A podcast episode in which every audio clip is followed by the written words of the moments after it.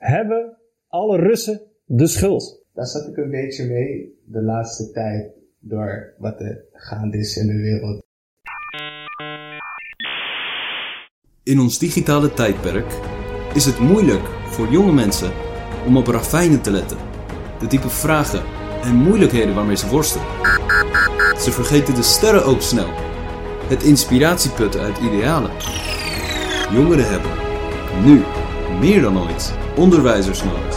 Die hen helpen de realiteit te omarmen en levensvragen persoonlijk te beantwoorden. Welkom bij Canyons and Stars. Hebben alle Russen de schuld? Welkom bij weer een nieuwe podcast van Mens zijn Anonu, waar we tijdloze wijsheid laten schijnen over actuele vragen van jongeren.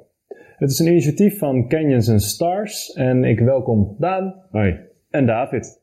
Hey. Hey David, jij hebt dus een vraag. Ja, zeker. Hebben alle Russen de schuld? Ehm, daar zat ik een beetje mee de laatste tijd door wat er gaande is in de wereld. Ja, Zie je dat een hoop Russen, als niet alle Russen, worden geantagoniseerd. geantagoniseerd. Ja. Mooi woord. zeker. Die voeg ik toe aan mijn woordenboek. Dus een beetje, iedere Rus wordt een beetje als slecht gezien. En ik vroeg me af of dat de beste manier was om naar de situatie te kijken. Je ziet bijvoorbeeld ook dat een hoop bedrijven weggaan uit Rusland. En Ja. de sporters mogen niet meer meedoen aan sportevenementen. Dan kan ik snappen dat als je je negatief uitlaat over de situatie, dan promoot de rest van Europa misschien niet, of de rest van de wereld zelf. Dus dan kan je die nog onthouden. Maar als een normale Rus een Big Mac wil kopen bij de McDonald's, kan nu ook niet meer. Nee. En ik vroeg me af, is dat de beste manier en hoe moet ik daar naar kijken? Ja, nee, eh, goede vraag. Eh, ik zie het natuurlijk ook eh, in het nieuws. Laatst nog dat er een Russische supermarkt in Amsterdam die gewoon aangevallen werd. En die heeft de zaak moeten sluiten. Dat is natuurlijk verschrikkelijk. En de burgemeester Femke Halsma heeft ook aangegeven van... hé, hey, wij hebben een probleem met Poetin en met de staat. En, nou, en natuurlijk niet met alle Russen, zou je zeggen. Dus een hele goede vraag. Daan, wat denk jij ervan? Ja, ik denk dat het inderdaad een heel goede vraag is, David, dus dank je wel. Ik denk dat je er ook wel iets over kan zeggen vanuit de filosofie. En laten we daar eens mee beginnen. Wat hier eigenlijk speelt is een probleem dat eigenlijk voor alle menselijke kennis speelt. En dat is dat wij de neiging hebben om makkelijk labels te plakken. Dus ik zeg van nou, dit is nou een Rus. Of dit is nou een Olga, om even een eh, Russische vrouwennaam te pakken. Ja, Dus, en dan is het heel erg makkelijk dat we iemand een label opplakken en zeggen van nou, dat is dan alles. Dus dan krijg je aan de ene kant een soort van ja, communitaristische benadering haast, hè, waarin, ja, dat is een beetje extreem, dus alle Russen zijn hetzelfde. Hè, want ik, we hebben ze nou eenmaal dezelfde label Rus gegeven.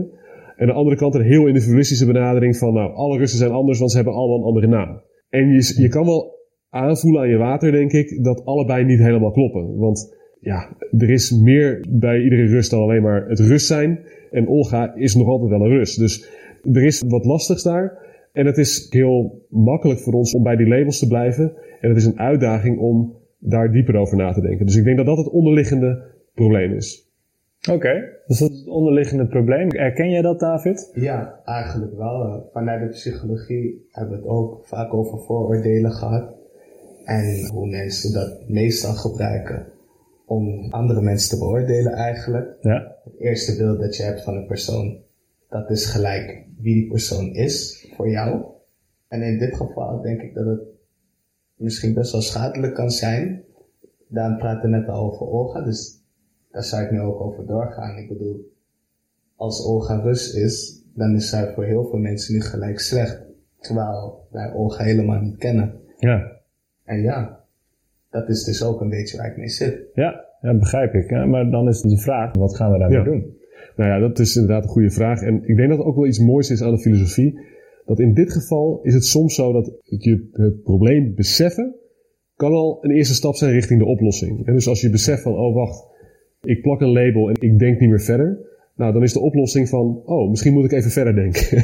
En dus dat is ook niet zo heel moeilijk. En wat voor vragen kan je wel stellen? Van, nou ja, misschien kan je jezelf beseffen dat, nou ja, Olga is, is opgegroeid in Rusland bijvoorbeeld. Maar, ja, hoe is haar relatie tot dat land? Bijvoorbeeld, welke school is ze opgegroeid? Welk dorp, welk land in de stad? En hoe verhoudt ze zich tot die school waar ze is opgevoed? Vond ze dat leuk bijvoorbeeld om daar op, eh, school te zitten? Of vond ze het eigenlijk helemaal niks? vindt ze de Russische cultuur, is ze daar nog steeds helemaal dol op? Of is ze er eigenlijk ontvlucht? En is dat de reden waarom ze bijvoorbeeld nu in Europa woont? Dus dat zijn allemaal vragen. En dan zegt van nou, dat maakt nogal wat uit. Heeft ze nu nog hele warme relaties met mensen in Rusland? Of heeft ze dat juist helemaal verbroken? Is ze een grote fan van Poetin of juist helemaal niet? Ja, dat zijn allemaal vragen die toch wel behoorlijk relevant zijn voor haar relatie tot het Rusland van nu en wat er nu gebeurt in de wereld. Nou ja, je kan je voorstellen dat deze vragen kan je eigenlijk stellen voor iedere Rus. En voor iedere Rus zijn er waarschijnlijk net iets andere antwoorden op. Maar ja, tegelijkertijd is het ook weer niet terecht om te zeggen van nou, iedere Rus is helemaal gescheiden van Rusland. Want ze heeft nog altijd wel een of andere relatie met Rusland. Zo heeft iedere Rus ook wel een of andere relatie met Rusland. Ze zijn ook weer niet helemaal apart. Hè? Er is nog wel een bepaalde gemeenschappelijke cultuur bijvoorbeeld waar ze zijn opgegroeid. Dus het is best wel lastig, maar als je deze vragen realiseert, dan zie je van, oké, wacht, we moeten inderdaad verder gaan dan dat voordeel. En er is nog veel meer over na te denken. En dat noopt denk ik tot een bepaalde bescheidenheid. Iets wat ik ook heel erg heb geleerd van Socrates. Niet te snel denken dat je het allemaal wel weet. Hè? Dus er is vaak nog heel veel meer te weten en dat is goed om dat te beseffen. Oké. David, als je dat hoort, kan je daar wat mee? Ja, zeker. Het doet, het doet me ook een beetje denken aan wat Jezus zei. Hm. Oordeel niet en gij zult niet geoordeeld worden. Ja. Ik denk dat het gewoon heel belangrijk is, Daan had het net al over, dat we de Russen niet over één kan moeten scheren, maar niet iedere Rus is anders. Ik denk dat het heel belangrijk is om gewoon in je hoofd te houden dat je mensen niet moet beoordelen op wie ze zijn, maar mensen moet beoordelen op hun handelingen en wat ze doen. Geleerd van Lea trouwens, moeder van een vriend. Kijk. Lea. Goed. Ja, ik denk dat dat een van de belangrijkste boodschappen is die een beetje ook door dit gesprek weer, die weer terugkomt bij mij en die ik in mijn hoofd wil houden bij dit onderwerp ook. Oké, goed.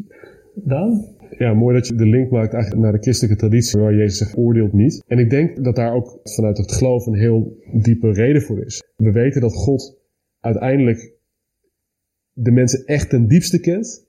En wij, als we erbij stilstaan, beseffen we dat dat niet zo is. Dus dat we zelfs Poetin, we weten sowieso niet alles wat hij weet en hoe hij de situatie ziet. Maar daarnaast weten we ook niet de diepste drijfveren van zijn ziel. We kunnen niet zeggen waarom hij dat doet. En misschien denken van, nou ja, hij is gewoon een arrogante kwal of hij wil gewoon macht en dat is alles. Maar weten doen we het niet. Want we kunnen niet in zijn ziel kijken. God wel. En daarom zegt de christelijke traditie eigenlijk altijd van, nou, laat het oordelen maar aan God over. Overigens is daarmee niet gezegd, zoals je net ook aangeeft. Kijk, als we een crimineel hebben in de maatschappij, ja, dan moet natuurlijk wel wat tegen doen, want anders gaat hij gewoon door met crimineel zijn. En dat gaat niet. Dus als iemand slechte dingen doet, dan moeten er wel consequenties aan verbinden. En ja, daarom hebben we ook een rechtssysteem en daarom zijn er ook politieke consequenties voor wat Poetin doet, denk ik. En dat is ook heel terecht. Maar dat wil niet zeggen dat wij hem als persoon moeten veroordelen. Dus dat onderscheid tussen wat iemand doet en daar kunnen we op handelen en wat iemand is als persoon, dat is denk ik heel erg belangrijk. En dat is ook belangrijk zodat wij ja, toch ook bijvoorbeeld voor Poetin, maar ook gewoon voor de vrede in het algemeen, uh, vrede in Oekraïne voor de mensen, dat we voor hen blijven bidden. En dat ze hopen dat ze toch richting het goede gaan.